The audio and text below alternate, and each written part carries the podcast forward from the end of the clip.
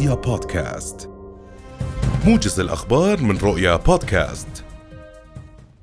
أعلن وزير الطاقة والثروة المعدنية الدكتور صالح الخربش اليوم عن برنامج لتزويد 17 مدرسة في مختلف مناطق المملكة بأنظمة خلايا وسخانات شمسية وأنظمة تدفئة.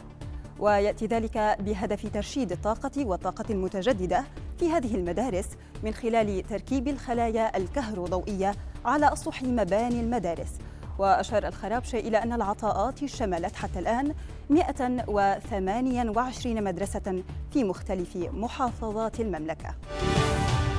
أعلنت وزارة التربية والتعليم اليوم جدول امتحان شهادة دراسة الثانوية العامة لعام 2022 الدورة التكميلية وسيكون أول أيام الامتحان الثلاثاء الموافق السابعة والعشرين من كانون الثاني وآخر أيام الامتحان الاثنين في السادس عشر من كانون الثاني العام المقبل. وستبدأ الجلسة الأولى في تمام الساعة الحادية عشرة صباحا في حين ستبدأ الجلسة الثانية في تمام الساعة الثانية ظهرا. أفادت الإدارات المرورية في مديرية الأمن العام بأن نحو خمسين ألف مركبة خضعت للفحص الفني ضمن حملة الشتاء حتى صباح اليوم. وأشارت المديرية إلى ضبطها سرعات وصلت إلى 180 كيلومتر في الساعة بالإضافة إلى قطع الجزر الوسطية من غير الأماكن المخصصة. وأكدت الإدارات المرورية أن مثل هذه الحوادث تؤدي لخسائر بشرية مؤلمة. وجه مدعي عام محكمة أمن الدولة خمسة تهم لتاجري مخدرات ألقي القبض عليهما الأسبوع الماضي بمداهمة أمنية في لواء الرمثة.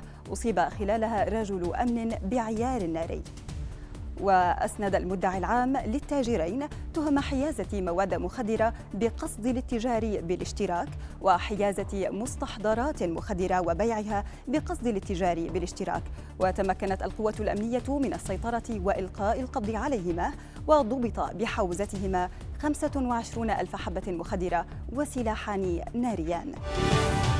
وإلى فلسطين المحتلة حيث أعلنت وزارة الصحة الفلسطينية استشهاد شاب فلسطيني يبلغ من العمر 18 عاما برصاص قوات الاحتلال قرب مدينة رام الله في الضفة الغربية المحتلة.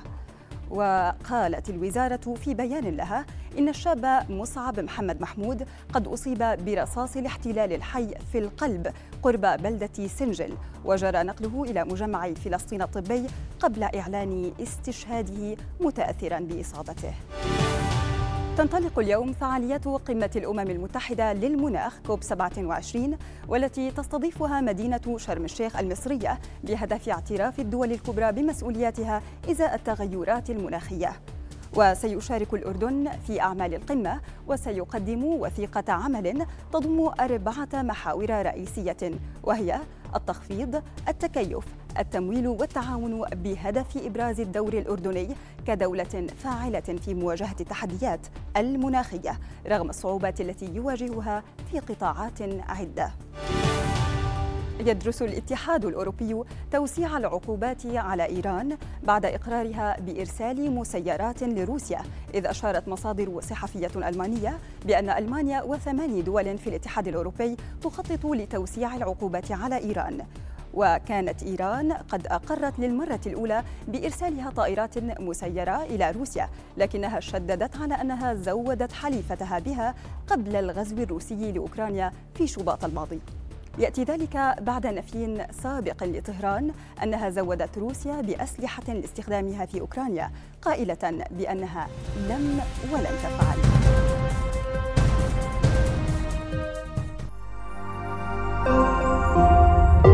رؤيا بودكاست.